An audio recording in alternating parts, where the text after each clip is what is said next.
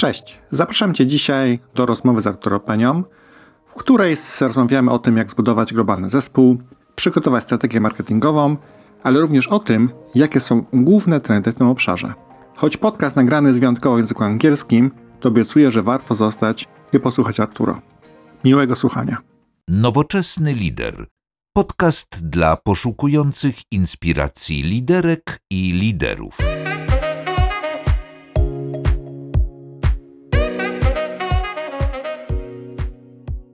Hello to the Nowoczesny Leader podcast, and today our guest is Arturo Peña. Hello, Arturo. Hello, how are you doing, Sebastian? I'm doing very well. How are you? Good. Happy to be here with you. And it's a unique opportunity because Arturo is in Poland, and he's like the great expert in the marketing field. Oh, thank you for that. Oh, absolutely. I was really impressed. I was listening to your presentation yesterday. I was really impressed by your approach, ideas, results was amazing. So um, many thanks for uh, spending some time with us uh, and uh, my listeners. Uh, you are Chief Marketing Officer at SoftServe. I am. I yes. think how long you are in the role? exactly one year. My anniversary was a week ago. Amazing. So congrats. Thank you very much. So probably have joined the company in the same time, roughly. Yeah. Yes, it is Yeah, quite interesting. Yes, and um, I know they have a lot of experiences. We talked before the podcast, and you work for different industries. You work for Amadeus. You work for Cognizant, as far as I remember. Yes. General Electric, Dell EMC. yes. Always in the marketing roles. Yes, always. Well, actually, when I lived in Latin America, I was in sales. I was selling IBM software and services through Latin American countries based in Mexico. This is quite amazing, I can tell you. This is I'm, I'm getting more and more impressed. But uh, I would like to ask you today for your perspective on the marketing uh, challenges, opportunities in the future. And one, I think, of the opportunities or challenges, or both, is globalization and how globalization impacts your activities, plans, thinking, how you really make these things happen. Yeah, well, two things that I see on the global sphere is the one of the big benefits is it goes back to the principles of uh, um, competitive advantage, right? And globalization has opened the doors for marketing to find better talent in other places. And um, you know, not only is the cost effectiveness, but more importantly, is that the different countries and different cultures actually bring different positive aspects to the practice of marketing. Um, so, in fact, at SoftServe, we have a true global distributed uh, organization. I have people in Mexico, Chile, Colombia. As you know, I have people here in Poland. I have people in Bulgaria, Ukraine, United States, Canada. I don't think you can get more diverse than that. And again, one of the things that I see is amazing things that you don't know until you have people reporting in the organization from these countries. Amazing things that they bring to the table again because of the way they were brought up you know their again their culture their language they, their way of living they bring different uh, skill set that you can you know you, you just cannot match it um, by trying to copy it in another country right? So that's one one of the great things. Um, you know if you think about it it also gives you follow the sun type of um, availability to work and deliver to our audiences what we need to deliver globally right a big portion of our business is in Europe. If you don't have people in Europe, uh, you will always have to rely on automation to make time zones work. So you know that's that's one of the uh, positive components. People, in my opinion, um, which is in this company, marketing is not the exception, right? In this company, people is our number one asset. Is what makes this company so successful. So um, and then what on the other the other side of the coin is the challenges. One of the challenges with globalization is um, more restrictive privacy regulations and rules of, of engaging, right? And they're not consistent. Um, so you have to be very aware of the different regulations in each one of the countries because you have to be compliant when you gather data about your audiences, what how you use the data, how you get rid of the data, um, and not only from the regulation standpoint, but again, different cultures will have different acceptance of outreach.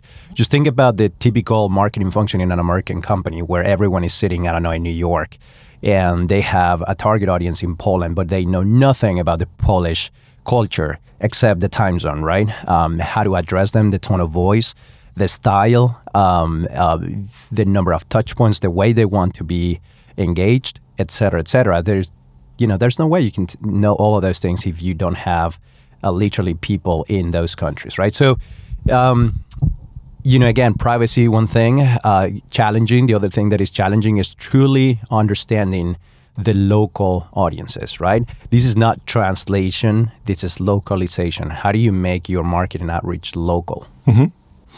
I think I just wanted to ask about the culture aspects of the communication because uh, communication or anything you when you plan products is uh, very much depends on the local aspects. Correct. You you, you build uh, some let's say platform or uh, common um, denominators that could be applicable and scalable globally for sure. Um, and, and, and that will allow you to scale to have a cost optimized operation for sure. When it comes to your role, because uh, this is like very unique, honestly speaking, you're very much focused also on the revenue grow, Correct. on the business grow, which I'm not always sure is the core of the marketing people I know. Yeah. So how you build your how you find the best way to really contribute in on this field to the company success? Yeah. So I, I do believe that there's um, two types of CMOs, and I think the nature of the CMO, the CMO's career, will push them in one direction or the other one.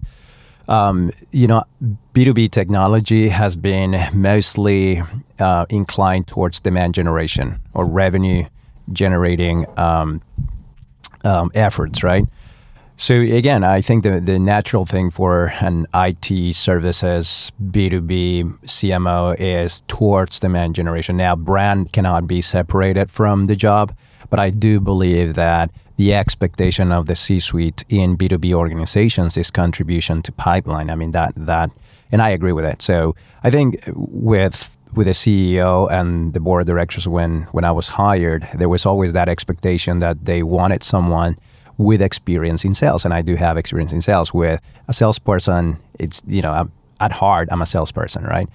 Um, and uh, the way we do that is, um, and I, you know I'm going to put the brand on the side for a second, but it, it's always thinking about um, the buyer's journey and the sales cycle and the retention cycle. So those three things need to be seen as one holistic journey from we call it cradle to grave rather than separating the parts, right? So marketing needs to be involved from taking audiences because at the beginning they're just audiences from being unaware of who you are, moving into knowing who you are, getting interested in having a business conversation with you and converting into a business uh, partner or, or, or a buyer, and then marketing even needs to stick around after they become a client. So then it moves into retention and advocacy.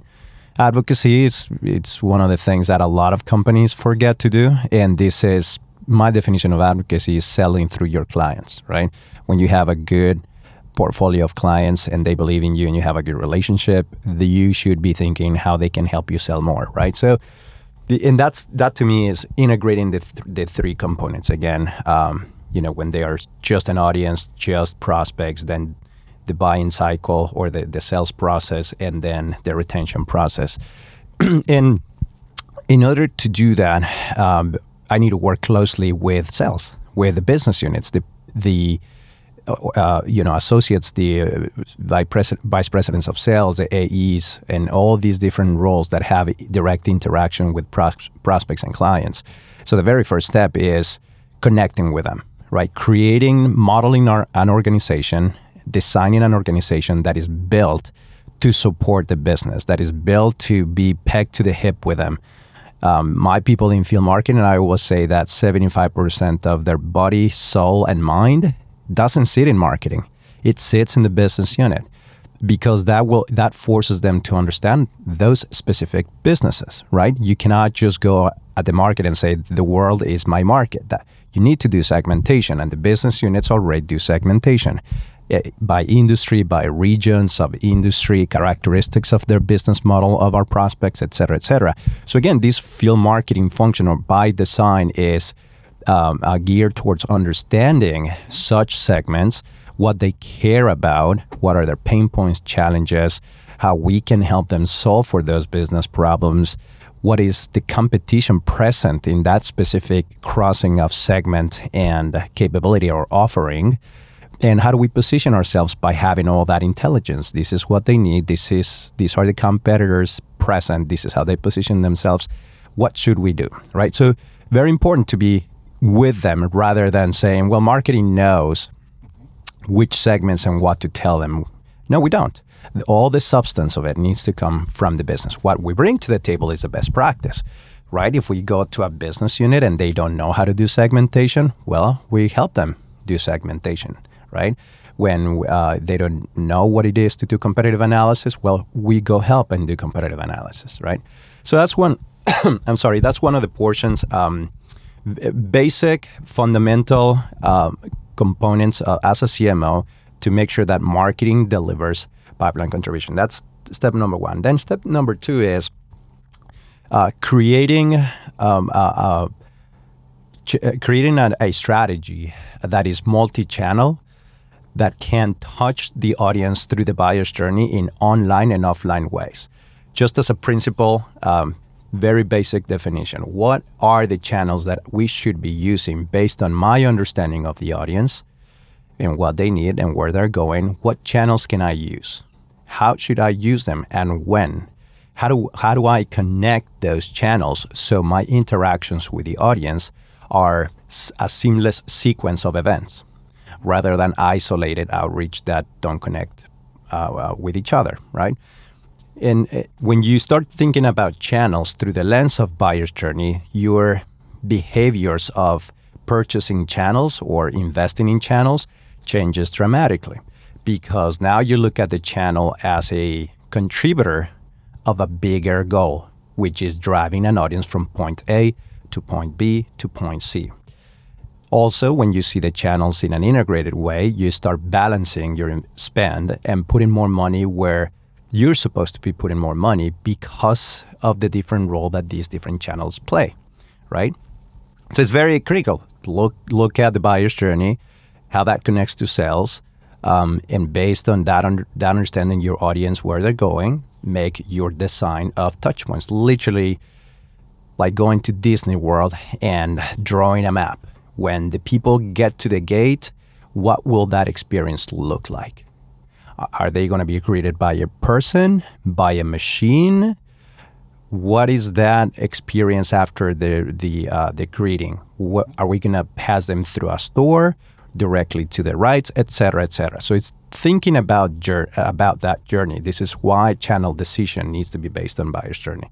I think to me those are the two major components, and then. Um, building the partnership and trust with the business unit organization again existing clients and prospects um, the the only way marketing can do that is by demonstrating that we're able to help mm-hmm. right and that we know our, our, our trade that we know the domain expertise of marketing the role of channels and how do we use channels to move the needle uh, so the last portion i would say is demonstrating that through measurements right?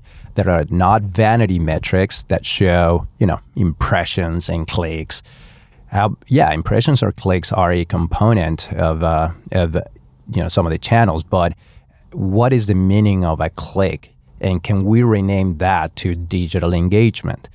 And instead of showing the aggregate of clicks, what is that sequencing of campaign A of certain clicks that took the audience to the next step and then to the next step. Again, showing the metrics also through the lens of a buyer's journey, right? Hey, Mr. Vice President of Sales, you know, I'm not going to show you all the clicks of the year because what does that mean to you? But how about I show you the percentage of your audience, the accounts we're targeting, moving from never engaging with our brand to engaging with us and certain percentage of them actually converting into you know, coming to an event or setting up a meeting, right? So again, met channels, metrics, everything through the lens of moving an audience through the buyer's journey.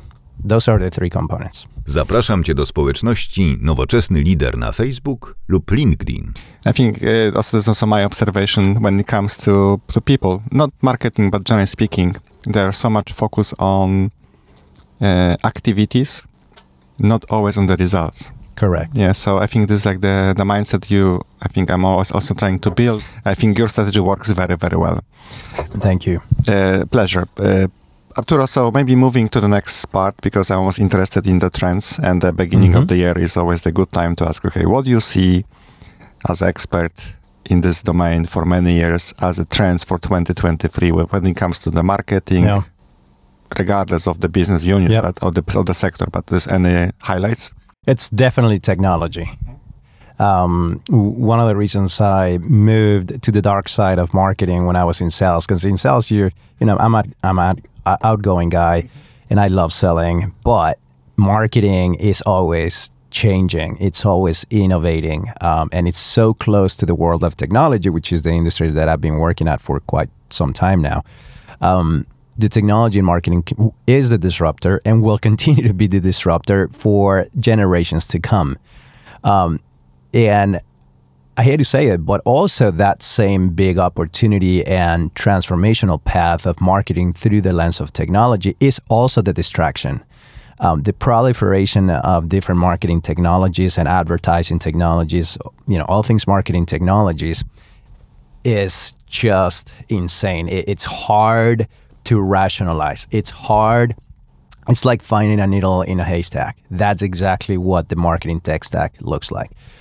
So organizations that don't have a marketing technology stack or MarTech uh, function and pure responsibility of it are lost. There's no way they can ever outpace their competition or become efficient and effective in again generating awareness, interest, and demand if they don't have that mindset. If they don't have a marketing technology and digital perspective, whether you're in B2C or B2B, and I hate to say this, but B2C is ahead of B2B it, they have been for quite some time, especially you know all things upper funnel. Um, so yeah, technology, uh, and then if I double click on on technology, um, the appearance of true artificial intelligence tools is just exciting, right? Um, there's al- always a component of efficiencies, which is can I do the things that we do with less human hours, right? That I think a lot of the AI um, use cases that we see, like you know, uh, OpenAI and all these things, have become a little bit of less hours or less time to do a task and less human intervention. That's true, um, but I don't think that's where the opportunity is.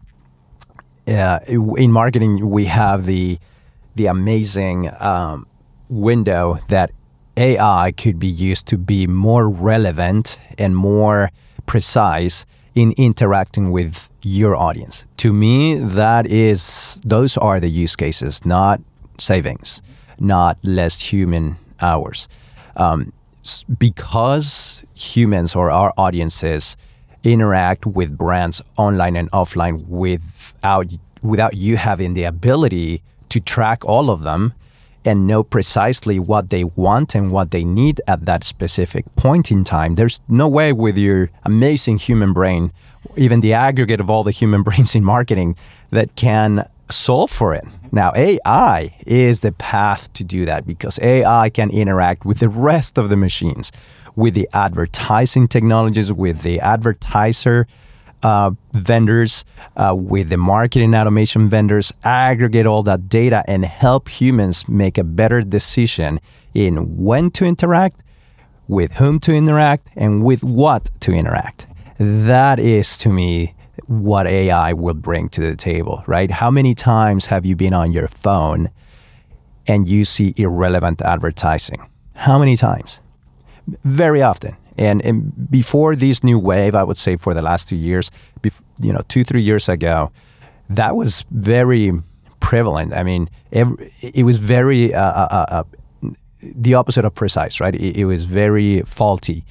People will get advertising on things that you don't care. Um, then you would get, you know, emails that are supposed to be personalized to you and they're zero personalized, right? They just throw in your name in it, misspell your name, uh, but you know that the rest of the email is just freaking generic, right? so those are they seem to be tiny things, but one of the um, my philosophies is that marketing will always be marketing if you focus on the basics of communication. So if you're a good, com- if you have a marketing function that are really good at communicating, aka understanding the needs and having relevant messaging that really appeals to the audience and fantastic production of channels to deliver that message, that, in my opinion, th- that will continue to be the basics. Now, if you add technology on top of it to enhance the delivery of what I just described, the right message on, on fantastic channels, then you're golden, right? Um, your audience will react and to your outreach significantly better, right? Your brand reputation reputation will go up. Whether they engage with you or not, they will ha- have that feeling of these guys are good, right? You've also received emails like that, or you've also seen advertising like that where you get surprised, like, oh, this is awesome, right? Or when you watch a Super Bowl ad and it's like, yeah, bad ad, bad ad, but this one is, oh my God, right? It just got to me. I am the audience. And as a marketer, you're also a, a marketer, right? You have that feeling of, these guys got it, right? You want these guys got it uh, uh, responses more often. This is what AI is going to bring to the table, fixing and solving for these noise that the same marketing technology brought us, right? The cookies are gone. We're back to first party data. Uh, we, companies need to focus a lot on creating their first party data with permission marketing. In the US, we don't have GDPR, but it's a great example of why wait for GDPR. Just do it for the sake of respecting your audience. Permission marketing is a concept that came to to our um, organizations long time ago. You have to keep pushing on permission marketing and create your first party data and continue to refresh that data and update it by having meaningful interactions with your audiences, right? I'm just describing what awareness means for a B2B company, right? If you're Coca Cola, if you're Adidas, any big brand, having Im- advertising impressions on a five year old, absolutely. That five year old will be your buyer at one point, right? All you got to do, eh, all you have to do is focus on your top brand focus on that fantastic storytelling, that um, visionary and feel good, all of the good stuff. Now, we're a B2B IT services company. I have a eight year old and a five year old. They could care less about an ad that they could see on software or, or you know the way we digitize companies right so what everything that i'm just describing has a purpose to drive an audience from awareness to engagement to conversion right? That's why I like B2B marketing. B2C marketing, you better be good at understanding human feelings. Mm-hmm. and that to me is harder than understanding the reason why companies exist and the reason why companies need to digitize, which is, you know, our customers. Long answer, but uh, I love it. I love it. But I think this I'm I'm surprised a bit as well. You have not mentioned the metaverse at all. Yeah. Yeah, well, I forgot that wasn't your bullet points. I, I can definitely talk about the metaverse. So AI, you know, okay, the reason I address AI because all your digital touch points, digital advertising, social media, web, AI will be the number one driver. Now, let's talk about metaverse. In fact, um, in Q4 of 2022, we had two amazing events in Europe, and one of them, Web Summit, which is kind of the pinnacle of um, you know technology trends in in at least in Europe, and I think also in North America, like CES, right? CES. Um, anyway, so we decided to invest six to nine months in developing uh, immersive experiences, mm-hmm. right? What is an immersive experience? I'll tell you the um, precursor to that. Before that, it was demos, mm-hmm. right? Clickable demos. And before that was PowerPoints. And before that, printed pamphlets. Now, if you go to a conference and you see a company with printed pamphlets, run as fast as run away as fast as you can. Okay, they are from the '60s or yes. the '70s, right? So that's that's the way I evaluate brands when I go to a, an event. You have pamphlets. Do you have a a, a, a PowerPoint a PowerPoint presentation? Do you have a clickable demo, or do you have an, an immersive ex- immersive experience? I would say when I was walking the floor at Web Summit, no more than five percent of companies have immersive experiences. We were one of them, and we had people lining up, just word of mouth. I did not. We did not invest in paid media to promote our booth. Nah, we did a little bit, but not too much. Um, but I could say I could tell it was word of mouth because on day one, of course, the the immersive experience we had to, and I'll describe it in a second. Um, um, we had always it was always busy, right? People will come and go, but not a single second that our demo uh, people were not busy, right? Second day, we saw a line. Third day, that line tripled. So that is telling you that it's word of mouth, right? People saying, "Have you been to that, you know, immersive experience or experience in general?" And probably they call it demo, right? So um, immersive experiences, right? so one of them was metaverse. We spent six to nine months. I don't remember exactly, but let, us say nine months at the maximum. I think it was like six months because we said that in Q2. Yeah, it was more like six months, and we decided how can we de- show to you know people that are going to be there because it was a brand event. They could be prospects or not, or clients or not. We didn't care, but it was it was just a brand awareness effort. How do we tell them who we are without actually telling them, without actually talking to them? How how do we make them experience who we are and understand who we are through interaction rather than words, right? Like when you go to an Apple store, uh, assuming that you've been living under a rock and you don't know who Apple is, and you go to, you know, a retailer. I'm, I'm not gonna say the bad brand, but a retailer, and and then you go to Apple Store, you're like, wow, right? Nobody needs to explain to you the brand because you feel the brand, right? So we took the same approach. Uh, in this demo, we decided to aggregate different advanced technologies. Cloud computing, I think we used Amazon Web Services. Here, there you go. They're going to get some brand lifting from your podcast. Um, Amazon Web Services for cloud. We had um, uh, artificial intelligence algorithms to to make analysis of the data we were gathering. We had um, haptic technology, which is this technology that you feel like someone is touching you, but really nobody's touching you. Um, and finally, we had, of course, uh, facial facial recognition and metaverse. So um, the whole uh, uh, immersive experience was about a fortune teller, where you would come to the to a like a mini booth. You would put your hand floating into a haptic device. It would read your hand. The camera on top will look at you, do some facial recognition.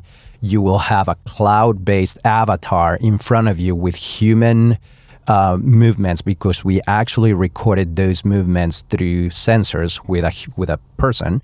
So that meta human interacting with you, and as you talk to the meta human, you would your face would be recognized, your hand will be read for the experience, and at the end of the, the experience, you would get an NFT or an avatar for yourself based on your features. Uh, it would just create uh, with the algorithm. It will just create a good uh, match for your avatar in the meta world. So you would go to the next station, receive a printed version, a, a, a, printed version of your avatar with a new name, with a job in the metaverse, like you know, security marshal in the metaverse, right? Something like that.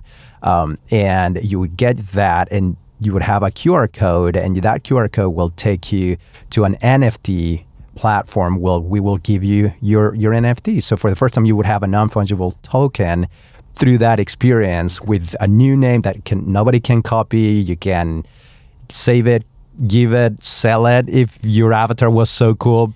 But the metaverse component was um, the uh, the appealing of of it all, right? Which was taking you your human being and who could you be in another reality, in another place that only exists digitally, giving you a cool job and a cool name. And some people got pictures that were improving. Some people were not too happy with those the the the uh, the meta person, the meta human that uh, we were giving them in the metaverse or or that avatar. So it was an amazing experience. Uh, we and and and he was great. I'm I'm trying to connect here another component of of B2B marketing, experiential, right? We talked about digital, and I think I, am now I'm taking the metaverse as also an experiential component. In my opinion, for marketing, metaverse is all about experiences, not so much to disconnect yourself from reality, but just have um, immersive experiences with brands um, and and just I guess evaluate that B2B brand and their technological and technical prowess by experiencing the brand in the metaverse. That to me is the number one use case, like the Minority Report from, you know, remember that movie with Tom Cruise, mm-hmm. and you know he goes into the the store and and you know know has data about him and and and knows the preferences of that person, but it has some metaverse component in it because you're in a physical world with some virtual world components in it. So yeah, I think uh, to me, and a lot of the people that we talked to in that experience, uh, they were retailers or banks or healthcare, but I think retailers and banks were very interested in that concept because you know, the reality is that we're far away from moving from the physical world and uh, transacting with businesses. So, one thing is to experience a brand in the metaverse, another thing is to move their transactional models to the metaverse. That's a big difference.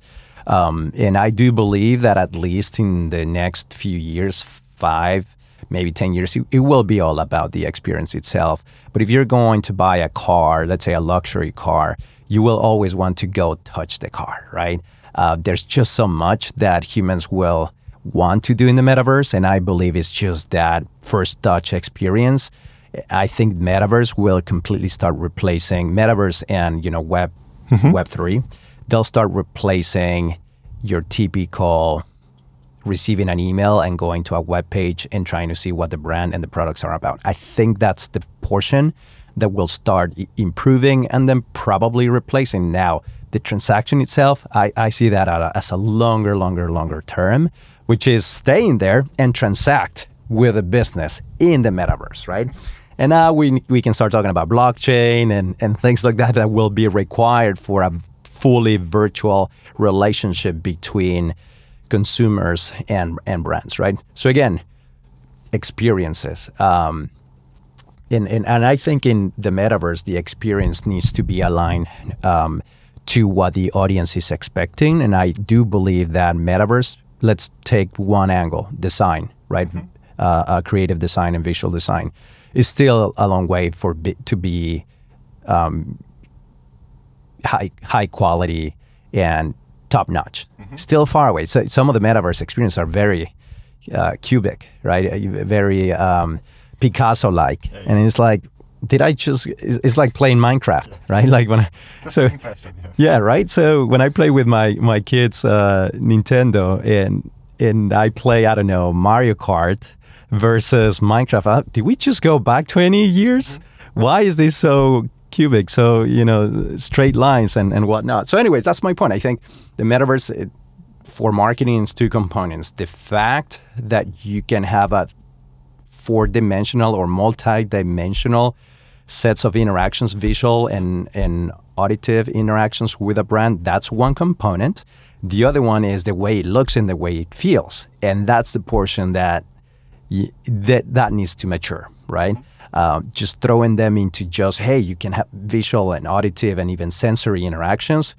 Thumbs up, check the visuals look very like 20 30 years ago no thank you so that will change and designers are moving into learning how to design in the metaverse it's a completely ballgame i'm not i don't i don't i'm not an expert in, in visual design but you can you can assess that by going into some metaverse uh, uh, uh, uh, experiences with some of the brands, right? So that's why you're going to have to match those two for it to become more and more relevant uh, for for the brands. Right now, it's a lot tipping the toes in the water um, and getting what's good from it rather than absorbing it all, right? That would be my advice, and that's probably what we're going to pursue. What are some of the things that look more mature that we can enhance our experience rather than forget about what we do in experiences with our audiences. Now let's go all the way in here. I wouldn't do that because there's still again more maturity to be achieved. I have to um, confess something. I'm, I think, the first time alive I see a person from marketing having so much passion, knowledge about the technology and how you can really use it.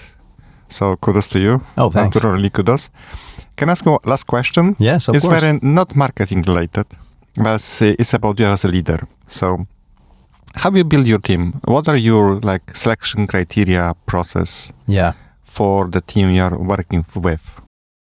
So uh, I would like to answer that question uh, with an all. It all depends, and it all depends the company that I'm serving. Right, I work for SoftServe, and because I work for SoftServe, and because I work for Chris Baker, my boss, the CEO, and because of the board, and because of my C-suite peers and the presidents, because I know the company culture and the leadership, I take a very specific approach. If I was in a blue chip American company with different culture, um, you know, out of the 90s leadership books where it's just racing to the top as quickly as possible, uh, doesn't matter who you leave behind, that would be a different answer.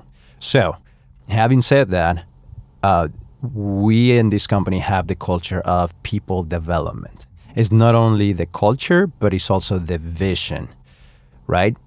People, our associates love working in this company. We have an employee net promoter score of above 80. And there, I honestly don't know any brand that can say that. Maybe, you know, the Apples of the world, the Facebooks of the world. But ultimately, I think people want to work here and want to stay here because we just don't send an email saying we care about their development. We everything we do every day is for developing people.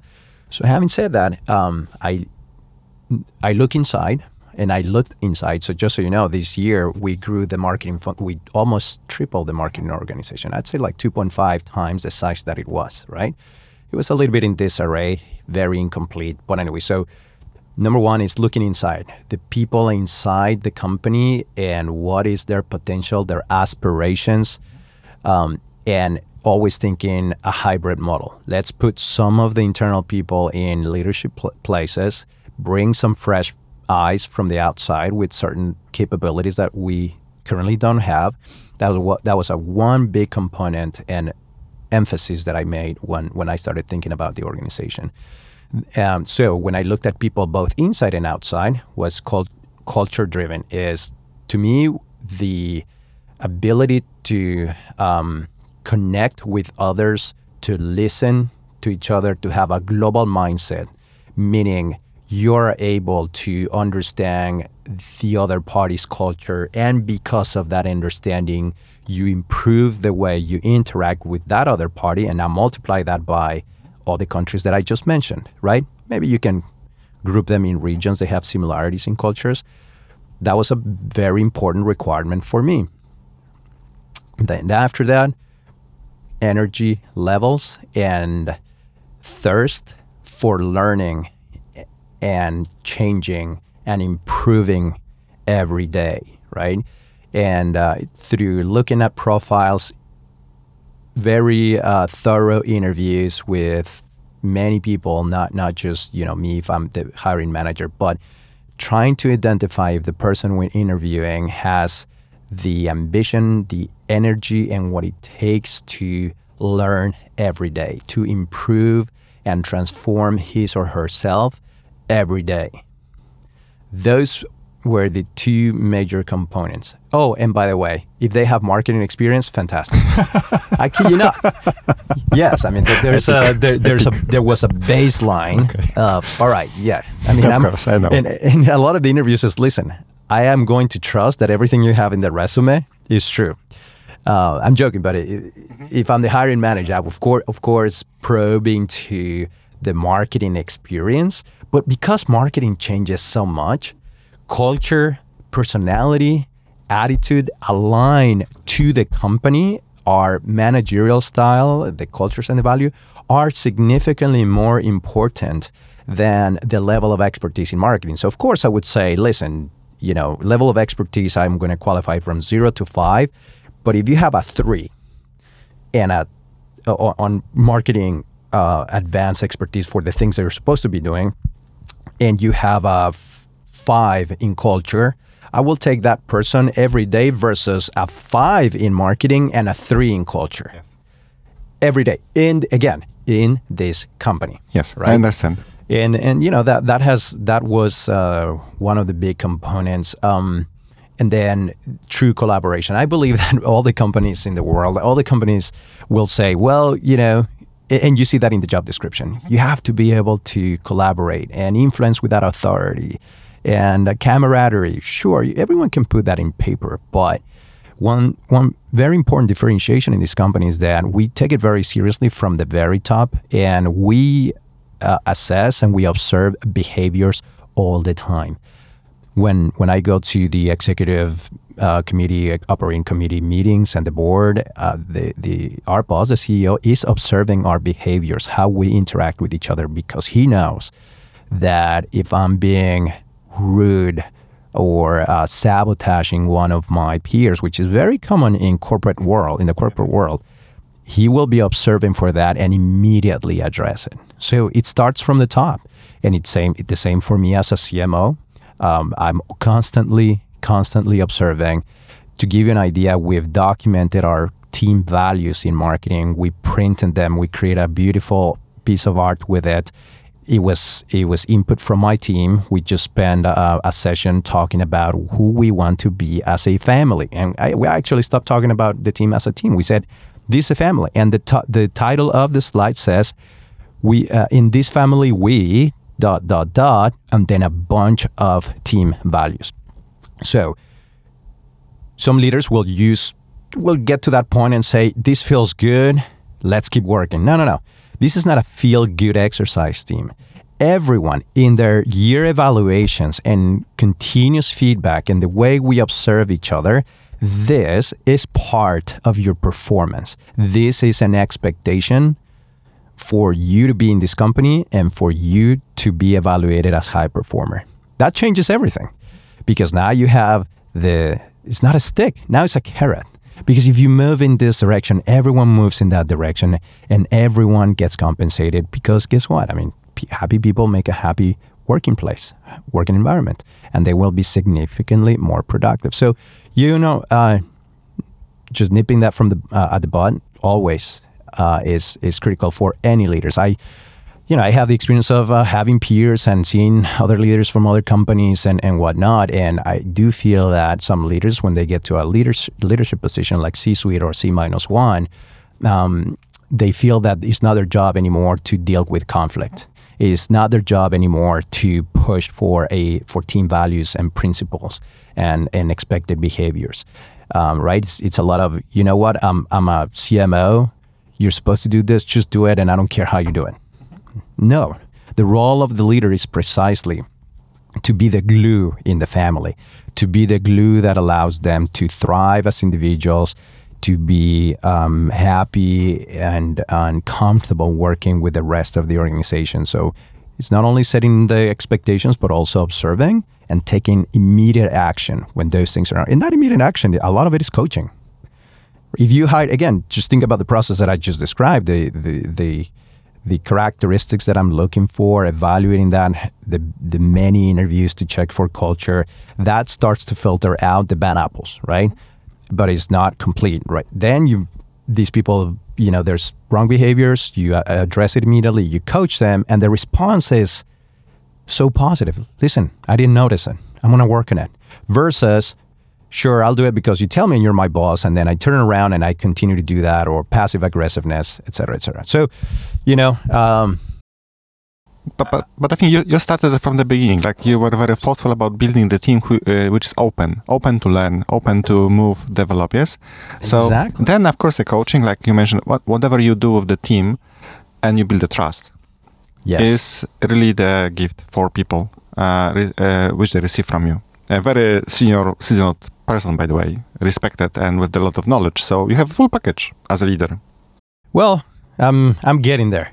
I'm learning. I'm learning as as we go. But yeah, you're absolutely right. From from the beginning, that's uh, you designed the team, like you said, correct. Like, very, Every single in a very hire, thoughtful way. Yeah, we hired 50 people this year, and of course they don't report to me directly, but I have a rule, which is if, if that person reports to me, of course, I, I, will be the main interviewer. But most of those 50 are, were not reporting to me. And my rule is whenever you have a finalist and you really want to hire that person, I still want a conversation with that person.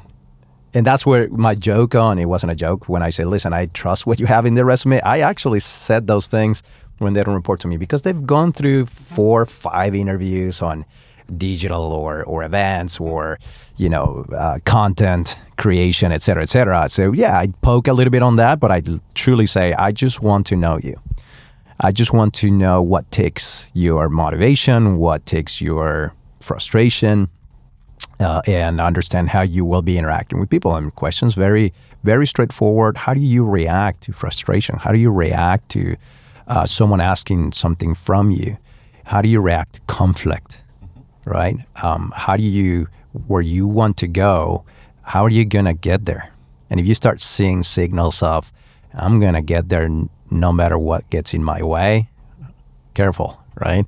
Some flags versus I'm going to get there uh, by lifting others. I am going to get there by collaborating. I am going to get there by innovating, by being resourceful. Those are good signals because it you know it's a person that is driven in the right way versus a person that is driven by just pushing others down. Arturo, many thanks for your time. It was a really great conversation. I was really amazed by your thoughts, by your attitude, approach, things. I will even st- steal some ideas to my work on a daily basis. So many thanks for your time. Yeah, no, absolutely. Well, thank you, Sebastian, for having me. It was a pleasure. I love talking about these things. So thank you for inviting me to your channel. Yeah, epic. And uh, good luck with all the, your plans for 2023. Maybe we can have the recap, maybe 2024, and we can do the rewind to this Absolutely. conversation and say what worked, what didn't work, and we'll see. Absolutely. It's going to be uh, the two things operations, process definition, clear delineation, process improvement, and metrics, measurements. Um, we have the troops in place, uh, really talented people now I want to make sure that their job is easy by understanding who does what when um, and measuring our success so people get motivated and the business continues to trust in us. Absolutely. Thank you so much. Thank you, Sebastian.